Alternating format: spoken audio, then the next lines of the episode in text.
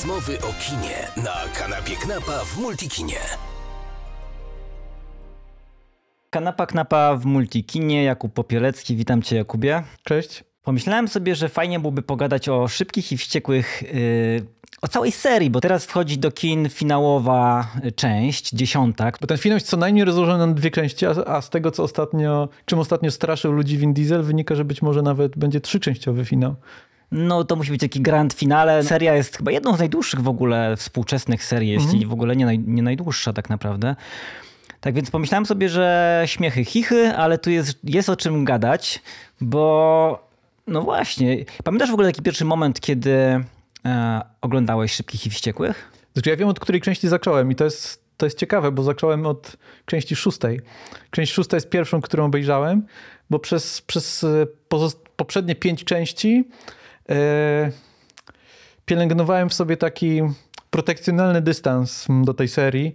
Jakby nie próbując, ale myśląc sobie, że ach, wiesz, z takiej perspektywy arthouse'owej, yy, yy, kinofilskiej, że to nie jest prawdziwe kino, to są jakieś dresiarskie McDonaldy. Natomiast wydaje mi się, że z, z czasem nauczyłem się rozumieć tę serię i nauczyłem się nią cieszyć. Chociaż nie było to od razu. Jakby ta część szósta czyli ta, od której zacząłem, wciąż wjechała mi, użyję takiej metafory motoryzacyjnej, wjechała mi dość, dość ostrożnie, tak z, z pewną taką nieśmiałością podszedłem do tej serii.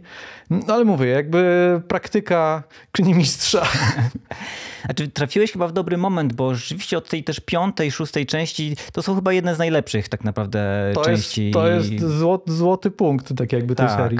Ja przyznam, że ja zacząłem oglądać tę serię od pierwszej części właśnie. Mhm. Pamiętam, że wtedy ten film zrobił na mnie jakieś takie wrażenie, w sensie on wpuścił trochę świeżego powietrza do, do, do kinematografii. A jesteś fanem motoryzacji albo byłeś fanem motoryzacji? To, to, to był jakiś czynnik? Właśnie nie. Nie byłem, zaczynam być mhm. z różnych życiowych względów i to jest, i to sprawia, że przyznaję i zaczynam troszeczkę inaczej patrzeć na tę serię. Jeśli mówimy o Szybkich i Wściekłych jako kinie samochodowym, kinie wyścigowym, fajnie, ale tak naprawdę tylko jedna część jest tak naprawdę kinem sportowym. To jest trzecia część właśnie, pierwszy film Justina Lina, e, Szybcy Wściekli Tokyo Drift, bo to jest film, który ma taką strukturę klasycznego filmu sportowego z bohaterem, który wkracza w świat e, danego sportu, w tym wypadku to są nielegalne wyścigi w Tokio.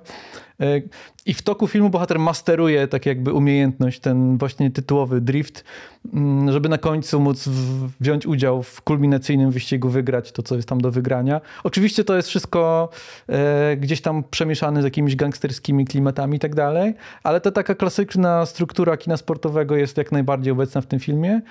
W żadnej innej części nie. Chociaż wydaje mi się, że takim silnym czynnikiem popularności, dokładającym się do popularności tej, tej serii jest e, jakieś takie powinowactwo z serią gier komputerowych Need for Speed na przykład. Need for Speed Most Wanted e, na tyle, na ile kojarzę, to, jest pra- to są prawie że szybcy i wściekli, tylko że w wersji interaktywnej spotkałem się z takim genialnym podsumowaniem w ogóle tej całej serii jak ta ewolucja następowała, że właśnie pierwsze tam cztery części to, to jest Need for Speed, mhm. a potem mamy GTA i uważam, że coś w tym jest. Coś w tym jest. E, trochę tak jest. To, to jest też w ogóle ciekawe, kiedy się spojrzy na genezę tej serii, bo pierwsza część, jakże Seria Step Up jest dobrym, nie wiem na ile znasz serię Step Up. Seria Step Up jest dobrym punktem odniesienia, bo seria Step Up przeszła podobną, podobną ewolucję, od takiego względnie stonowanego kina popularnego do jakiegoś totalnego barokowego ekscesu. E, tak jak pierwszy step up jest w zasadzie takim dirty dancing, taką taneczną tanecznym, ale jednak melodramatem. No też od drugiego filmu wzwyż raczej idziemy w stronę spektaklu, w stronę tańczenia, w stronę widowiska, w stronę kolorów. I podobnie jest z Szybkimi i Wściekłymi, tylko że tu ta ewolucja trochę ostrożniej, trochę wolniej przebiega. Bo w zasadzie czwarty film jest takim jakby restartem, w którym Justin Lin tak naprawdę wykluwa konwencję, a, a trafia w ten jakby złoty, złoty punkt dopiero na wysokości części piątej. Więc to jest też ciekawe. Jakby seria, która odnajduje się dopiero na wysokości numeru 5, to się rzadko zdarza. Zwykle to pierwsze części są tymi najlepszymi. E, no tutaj piąta. Barokowy eksces to jest dobre, dobre jakby określenie, wiesz, do, opisujące w ogóle, bo ja mam wrażenie rzeczywiście, że jak w momencie, kiedy twórcy, te, twórcy Szybkich i Wściekłych zdali sobie sprawę jakby czego chcą widzowie, mhm. No to wraz z kolejnymi częściami tam chyba szła taka myśl, że to dajmy im to i jeszcze więcej. I jakby i to jeszcze więcej jakby jest chyba taką siłą napędową tego, tej całej serii. Chociaż jest też taka jakby granica przesady. Wydaje mi się, ta granica przesady w którymś momencie została niestety przekroczona w tej serii. Mm, że, dlatego mówię o tym sweet spocie części piątej, że, że tam jest idealny balans między, między zabawą, a, a jeszcze jak, jakąś iluzją powagi, jakąś iluzją tego, że obowiązują w tym świecie jakieś prawa fizyki yy, i tak dalej. Yy, ten numer z, z tymi sejfami, e, czyli cały, cały napad, e, który, którego e, kulminacją jest ten pościg, w którym Paul Walker i, i Vin Diesel ciągną swoimi samochodami dwa chyba, a może nie, to jest jeden, to jest jeden wielki safe, przepraszam, dwa samochody ciągną jeden wielki safe, który jak, taka, jak taki mod pneumatyczny zmiatuje inne, zmiatuje, zmiata inne samochody z, z, z jezdni. I okej, okay, to jest absurdalne, oczywiście, ale cały numer polega na tym, że to z grubsza zostało zrobione praktycznie na planie, że to są prawdziwe samochody yy, na prawdziwym łańcuchu ciągnące prawdziwy metalowy kawał czegoś. Mm, I to czuć, to, to się udziela widzowi. Czujemy jakby tę frajdę z tego, że metal zderza się o metal i coś tam zgrzyta i prawdziwe iskry y, sypią się spod kół samochodów. Mm, tak w okolicach siódmej, ósmej części trochę więcej komputera już się, się pojawia. A przy tym podnosi się ta poprzeczka absurdalności. No bodajże w dziewiątej już dosłownie lecą w kosmos, co tak. jest takim też trochę metażartem y, z tego, na czym polega eskalacja w tej serii. Jakby oni sobie żartują z tej eskalacji, z tego, że jesteśmy coraz bardziej absurdalni. Okej, okay, jesteśmy absurdalni, polećmy w tak. kosmos. I jako żart to się może sprawdza, ale czuć, że coś, coś może się straciło. Coś, coś zginęło gdzieś po drodze. Mnie to zaskakuje, ale właśnie ja z części na część w sumie jakby tę taką bizarność tej, tej mhm. serii właśnie coraz bardziej lubię. W sensie, że ona już jest tak dziwna, tak, e, tak nielogiczna, tak nierozsądna, że mhm. jakoś w sumie doceniam jakby to, że mało kto sobie na to też pozwala w takim kinie to wysokobudżetowym. Mhm. Okej, okay, mamy tra Transformersów, ale oni od początku są mhm. powiedzmy też jakąś konwencją, plus no jednak tam jest głównie CGI. Mhm. A tutaj jednak mamy właśnie ten klimat retro, to są zawsze te stare samochody. Mhm co, co ciekawe, tutaj nie uświadczymy raczej e, elektryka, samochodu e, napędzanego e, jakimiś silnikami. Pewnie gdyby się pojawił elektryk, to czarny charakter by nim jeździł. No i możemy, możemy zdradzić, że właśnie w dziesiątej części elektryk zjastuje problemy. Taka mitologia motoryzacyjna, faktycznie. Ale też tak sobie teraz myślę, że może jest coś, coś w tym, co mówi, że ta, ta seria, zmiany tej serii wymagają, wymuszają też na widzach jakby zmiany podejścia. Że może być tak, że Szybkich i Wściekłych 10 powinno się oglądać z innym nastawieniem niż Szybkich i Wściekłych 1, 2, 3. No to na pewno. To są kompletnie inne filmy. Kompletnie. I mam wrażenie, że jakby tak zestawić, wiesz, tą jedynkę na przykład z tą dziesiątką, którą e, oglądaliśmy niedawno, no to są jednak już... Są te same twarze, ale zupełnie inny kontekst. Chociaż to jest ciekawe, że mimo tych takich ostrych restartów serii, o których mówimy, to ciągłość zostaje zachowana. Jakby powracają wciąż te postacie z poprzednich filmów. Oni wciąż próbują stworzyć jakąś taką iluzję jakiejś takiej sagi, faktycznie ciągłości. Bardzo też jest to mocno wygrywane, jakaś taka nostalgia wewnątrz tej serii, powracają postacie, czasem z zagrobu nawet i to ma ewidentnie grać na takich emocjach widzów, na tęsknocie za tym, och, to są postacie z tamtych filmów. Mm, I bardzo silny jest ten taki komponent, jakiś taki komotywy, komitywy, wspólnoty, no rodziny, tak? No, jeśli o czymś to jest seria, to właśnie o rodzinie.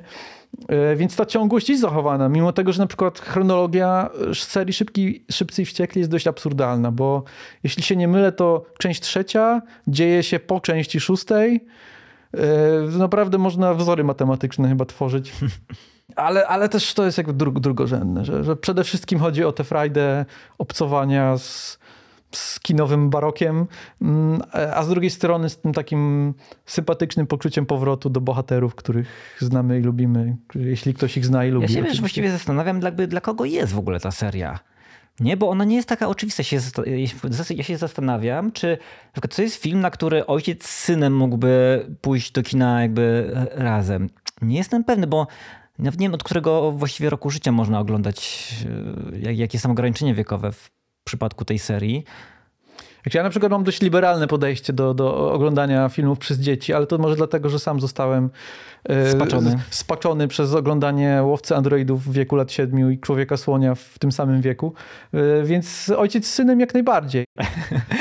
To jest o tyle ciekawe, że mówisz ojcu i, i synu, bo to jest, to jest seria, która bardzo w takim jakby patriarchalnym kontekście funkcjonuje.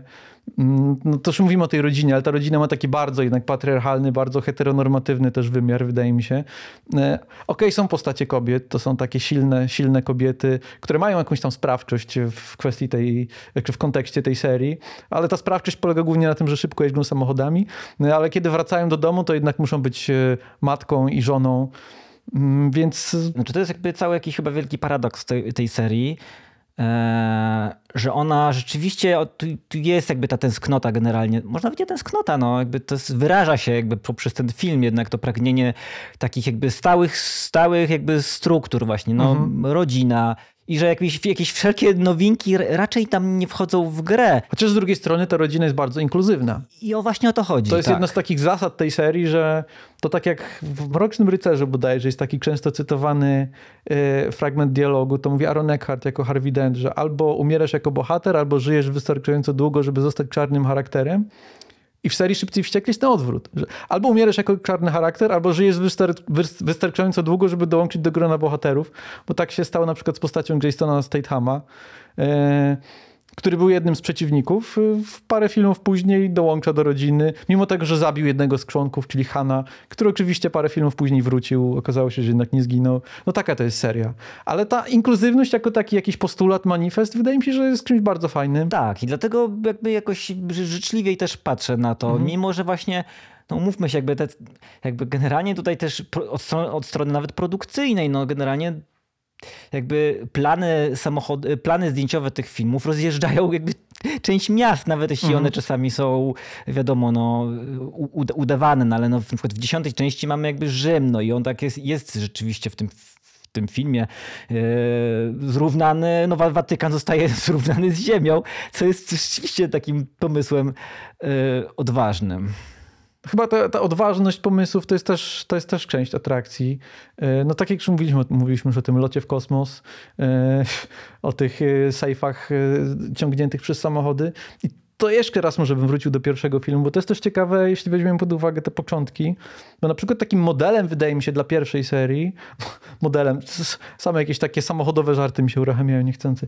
Modelem dla pierwszej serii filmowym byłby Point Break na, na fali mm -hmm, Catherine mm -hmm. Bigelow, czyli opowieść o e, policjancie czy agencie infiltrującym jakieś takie środowisko, yy, trochę szemrane, trochę, trochę kryminalne, który w procesie tej infiltracji jakby przechodzi na tę drugą stronę. Sil, silny taki komponent bromansu też oczywiście.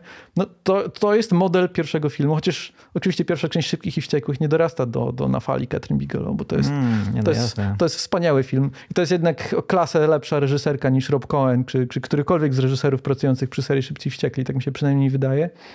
E, no ale no z czasem to gdzieś, to gdzieś, to gdzieś znika e, i chyba już przestają twórcy udawać, że chodzi o jakieś takie e, ludzkie dramaty, a jeśli już ludzkie dramaty, to są takie bardzo mityczne, może takie mm -hmm. nazwijmy tak jak mówimy też o tym ojciec, syn, rodzina, Watykan, to się wszystko rymuje. To też ma taki bardzo silny religijny komponent. Tak jak mówimy, że to jest heteronormatywna seria i patriarchalna, to ona jest też bardzo chrześcijańska, wydaje mi się. No jeśli jest chrześcijańska, to jednocześnie jest też no, pogańska momentami, mam wrażenie, bo też właśnie w tej ostatniej części no, ten Dominik y, Toretto zostaje już nieomal świętym i jakby i, jest, i, I ta symbolika tu jest naprawdę taka dość oczywista momentami. I to jest rzeczywiście coś takiego, że to się dzieje naprawdę. Bo, bo też jak mówimy o tej religijności, tak. to oczywiście śmierć i zmartwychwstanie jest takim e, tak. powracającym toposem. No tak przed chwilą się śmiałem z tych umierających i wracających z zagrobu bohaterów, ale to też, jeśli próbujemy opisać jakąś taką chrześcijańską symbolikę serii Szybcy i Wścieki, to nie możemy o tym zapomnieć. I to jest ważny element, bo te, te powroty z zagrobu są kluczowe, one są wygrywane, one są takimi puentami scen, puentami filmów czasami mm, i wokół tego jest budowana ta cała narracja, ta cała mitologia. To jest oczywiście część tego, tej gry na nostalgii, na naszej sympatii budowanej wobec bohaterów i o, lubimy tę postać, cieszymy się, że wróciła.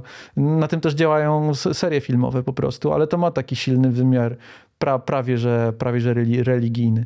No i można powiedzieć też, że życie jakoś e, poszło w zgodzie jakby z tym konceptem, bo śmierć jednego z aktorów no, sprawiła, że tu rzeczywiście mieliśmy już tak do czynienia z jakimś takim dziwnym połączeniem się życia, śmierci i, i filmu, nie? No to jest w ogóle niesamowite, że im się udało z tego wybrnąć.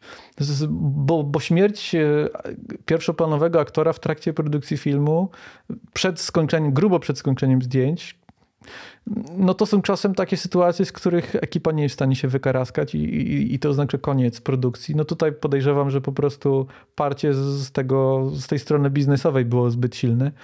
E, no ale udało im się z tego wybrnąć obronną ręką. E, tam bra, bracia Paula Walkera chyba trochę pomogli, trochę pomogły komputery.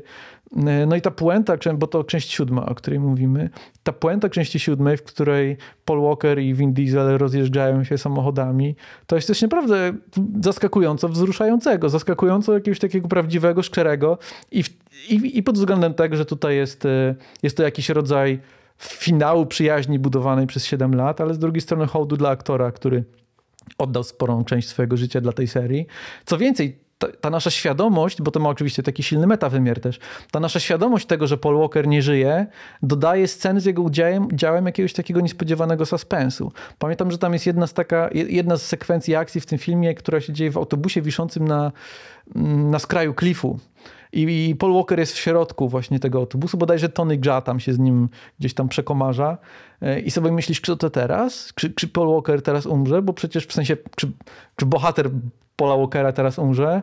Jakiś taki dodatkowy kontekst się robi, dodatkowy sposób zaangażowania widza w, w ten film. Więc no, udało im się wybrnąć. To, to, to jest dość ładne z, z ich strony. Minus tego jest taki, że ta puenta części siódmej jest tak dobra, że myślę, że wydaje mi się, że dużo osób by się mogło zgodzić z tą tezą, że seria mogłaby się skończyć w tym momencie, że na, na, części ósmej, w części ósmej jest już taki trochę problem, to co teraz, jeśli jakby fundamentalna dla całej serii relacja y, już nie istnieje, chociaż oczywiście było po drodze kilka filmów bez Wina Diesla, czy bez Paula Walkera, ale wciąż to oni są jakby sercem tego filmu, to od tego bromansu między nimi się zaczęła cała historia. Kiedy tego bromansu zabraknie, to o czym teraz y, opowiadamy? Czy to nie jest tak, że to był ogień i woda, które się równoważyły i, i to właśnie była ta magia tej serii? I trochę, trochę to czuć w tych późniejszych y, częściach, chociaż one oczywiście też mają swoje, swoje zalety. Zaczynam się zastanawiać, na ile w ogóle mamy w tym momencie filmy, które rzeczywiście mogą być nazwane filmami dla mężczyzn. Mhm. Bo o ile jakby, wiesz, można powiedzieć, filmy kręcone z założenia dla publiczności jakby kobiecej, e, to dosyć stosunkowo łatwo byłoby wskazać. Mhm. O tyle właśnie filmów, które no, byłyby kierowane do widowni raczej męskiej niż kobiecej, nie ma za wiele. I to też jakby w kontekście takiego myślenia chyba o, o w ogóle o reprezentacji jakby płci jakby w kinie i, i mówienia o kryzysie męskości. Mhm. No to ja mam wrażenie, że tutaj męskość ma się bardzo dobrze, wiesz, no, że nie, ma kryzysu, nie, ma, nie ma kryzysu, nie ma żadnych wątpliwości, jakby wszystko jakby jest tak po staremu. Ale właśnie się zastanawiam, nie wiem, czy masz jakąś obserwację na ten temat. Jak, jak wygląda gotowość w serii Szybcy i Wściekli do pokazywania mężczyzn w stanie...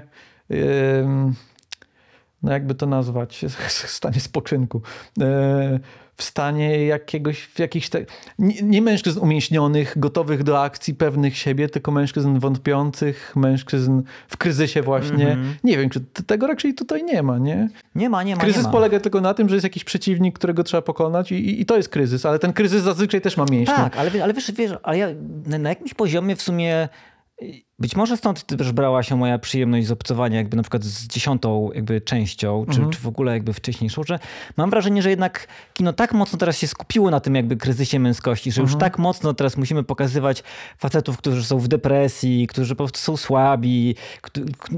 Tutaj właśnie jest na jakimś poziomie jednak afir afirmacja tej cielesności, nawet mhm. jeśli ona jest stereotypowa, mhm. no to ja w sumie myślę sobie, że okej, okay, jakby fajnie, że też jest taki obraz. Czyli to jest zdrowe nawet... kino, zdrowe kino. To jest zdrowe kino, tak. To nie jest też mój wzór męskości, żeby jasne. było jasne, no, ale, no, no.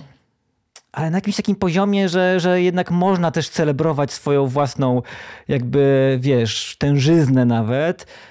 Także faktycznie jest coś takiego pozytywnego w tych filmach. Tak. Bo łatwo jest się z tych filmów śmiać. E, tak mi się wydaje, że o, też sceny akcji szalone, Tak. ci testosteronowi mężczyźni i tak dalej. Ale te filmy są do pewnego stopnia świadome tej swojej śmieszności i jakby mają, nie mają z nią problemu. E, To, to są to filmy, które, z których można się śmiać, ale to są filmy, z którymi też można się śmiać. Tak. Wydaje mi się, że to, to jest kluczowe, że one mają jakiś taki rodzaj cudzysłowu, dystansu, ale zarazem tej afirmacji, o której mówisz.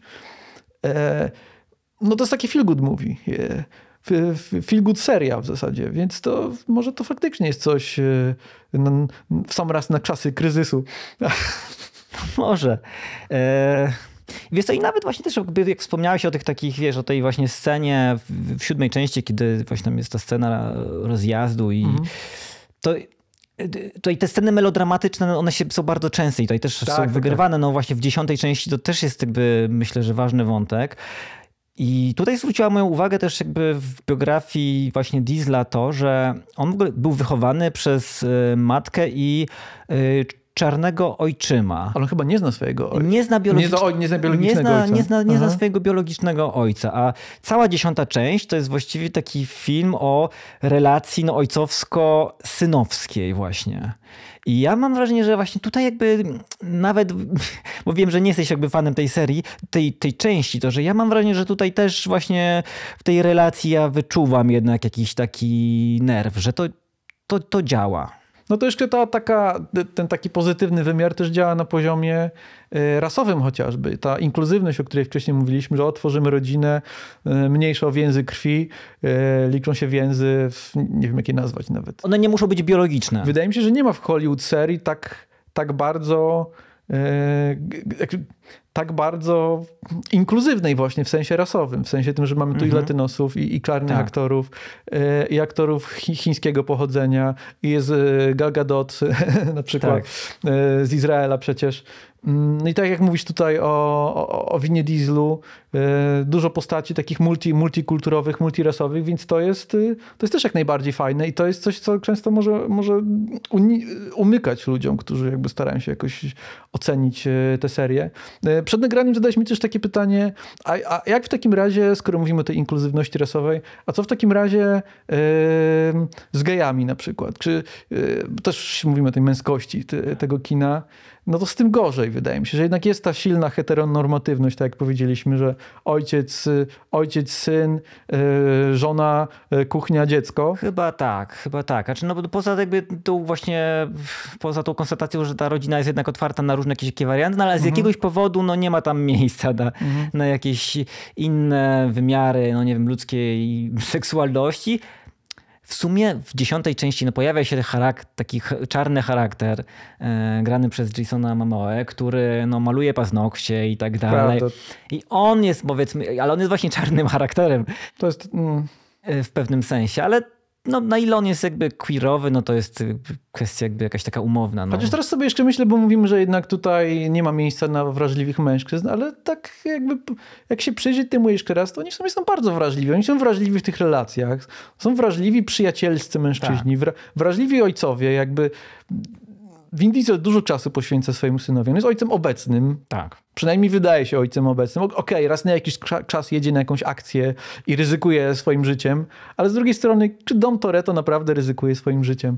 No na etapie siódmej, ósmej, dziewiątej, dziesiątej części on już niczym nie ryzykuje, bo on już jest de facto super bohaterem.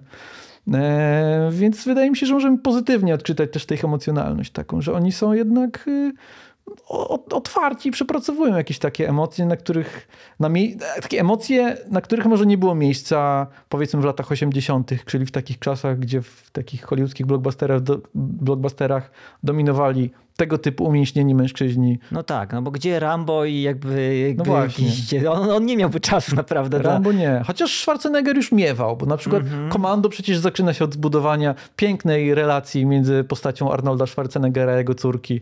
On tam nosi takie bale drewna, a potem karmi z nią sarenki, a potem je z nią lody. Więc to jest coś takiego. Być może w takim razie w serii Komando trzeba by szukać jakichś praźródeł serii Szybcy i Wściekli.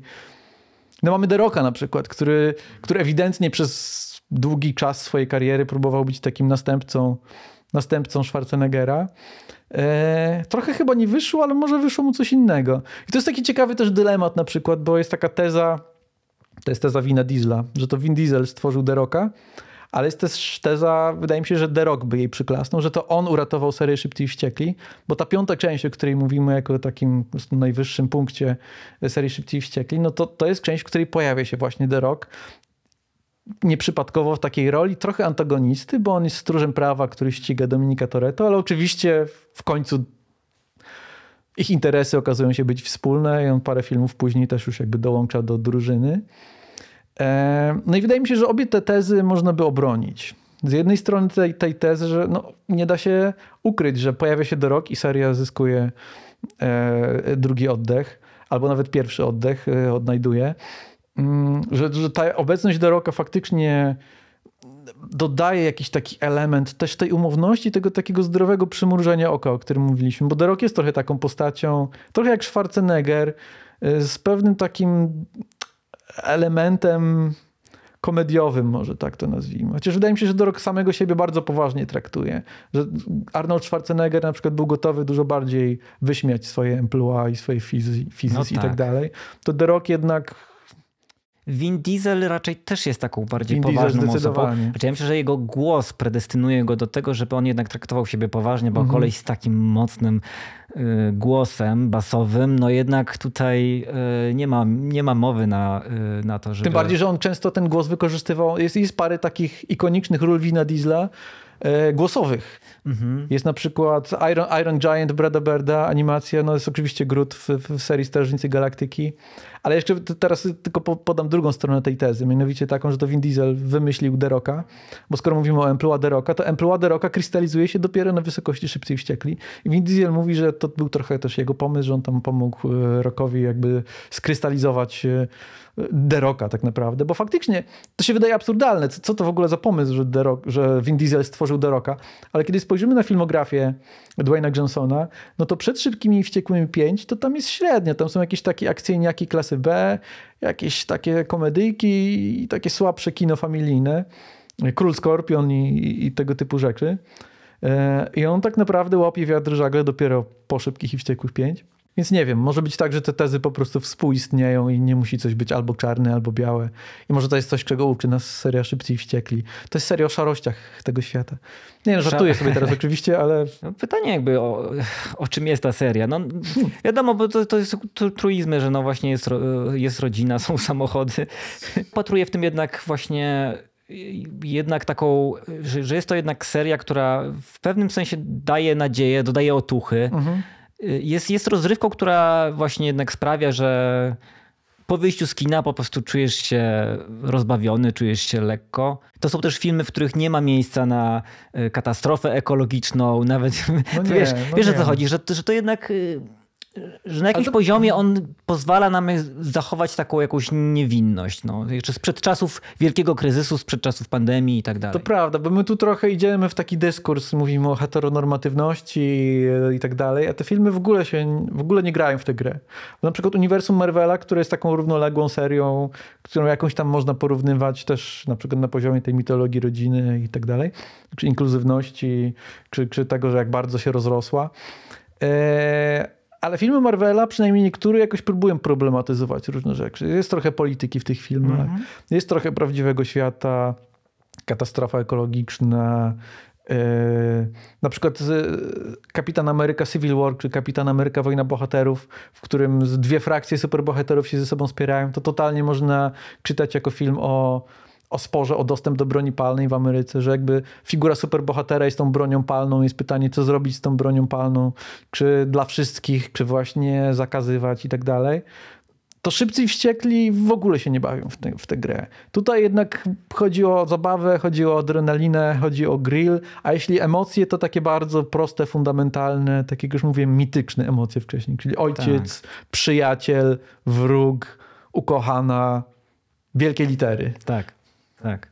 I im dalej w serię, tym bardziej, wydaje mi się. Tak, tak, tak. No i tak już pomału kończąc, ja myślę, że właśnie w tym finale jakby to, to wszystko, o czym jakby mówiliśmy, jakby no jest właśnie jakoś zwielokrotnione. Jest, jest, to, już jest, to już jest bardzo barokowe i Ale no właśnie, ja, ja naprawdę się w sumie dobrze bawiłem na tej, na, na tej części. To jest prze, przedziwne, ale w, jakby właśnie w czasach takiej rozrywki już mhm. bardzo właśnie świadomej siebie, yy, to, to jakaś taka naiwność oczywiście to też jest wyreżyserowana naiwność, mhm. ale ona mi jakoś sprawia jakąś przyjemność. Ale też wydaje mi się, że trzeba zaznaczyć, że to są w większej części jednak bardzo dobrze wyreżyserowane i porządnie zrealizowane filmy, na takim sensie też, na takim poziomie też konceptualnym, bo myślimy sobie, o, sceny akcji, no to tam coś wybuchnie Oczywiście. i to są sceny akcji.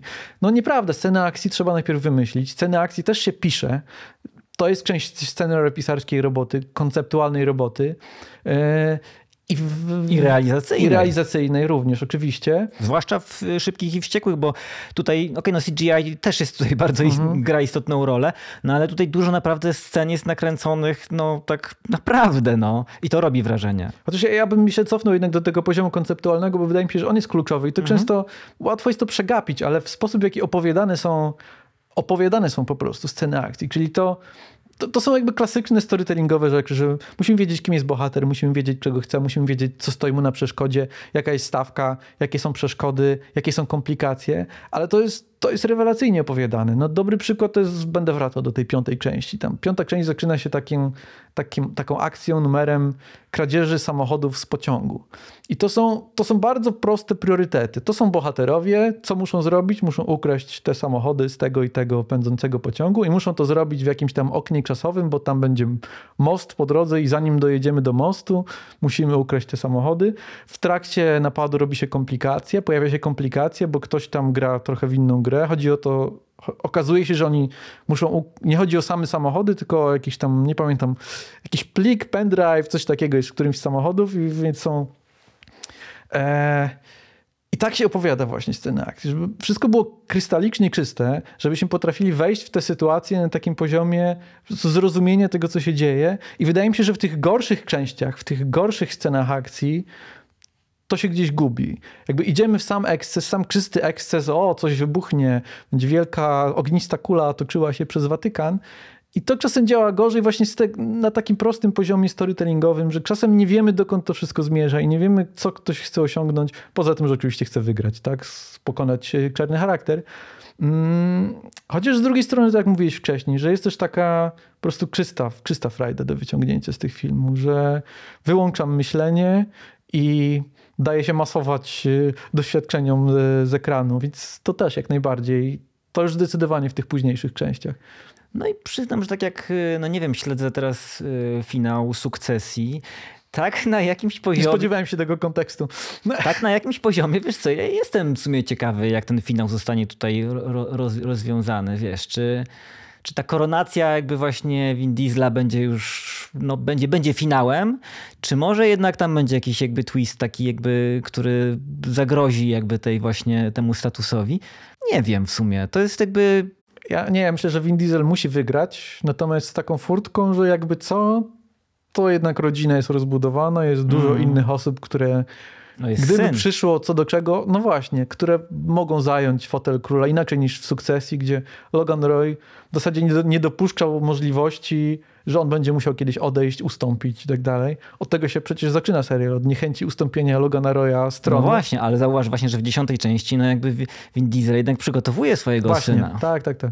Dlatego to jest dobry ojciec. No tak? właśnie. pozytywny przykład męskości, konstruktywna męskość bez kryzysu. No? Tak, dokładnie. No i jakby z tym optymistycznym e, akcentem myślę, że możemy zakończyć. E, ja zapraszam. Znaczy, myślę, że fanów e, serii pewnie nie, nie, trzeba zapraszać do oglądania dziesiątej części, która wchodzi do kina już teraz. Myślę, że jak ktoś nie jest fanem serii, to jakby dziesiąta część go do niczego nie przekona. Chociaż piąta mogłaby kogoś przekonać. To jest o, o tyle ciekawe. Nie? Jakubie, dzięki wielkie za dzięki. rozmowę.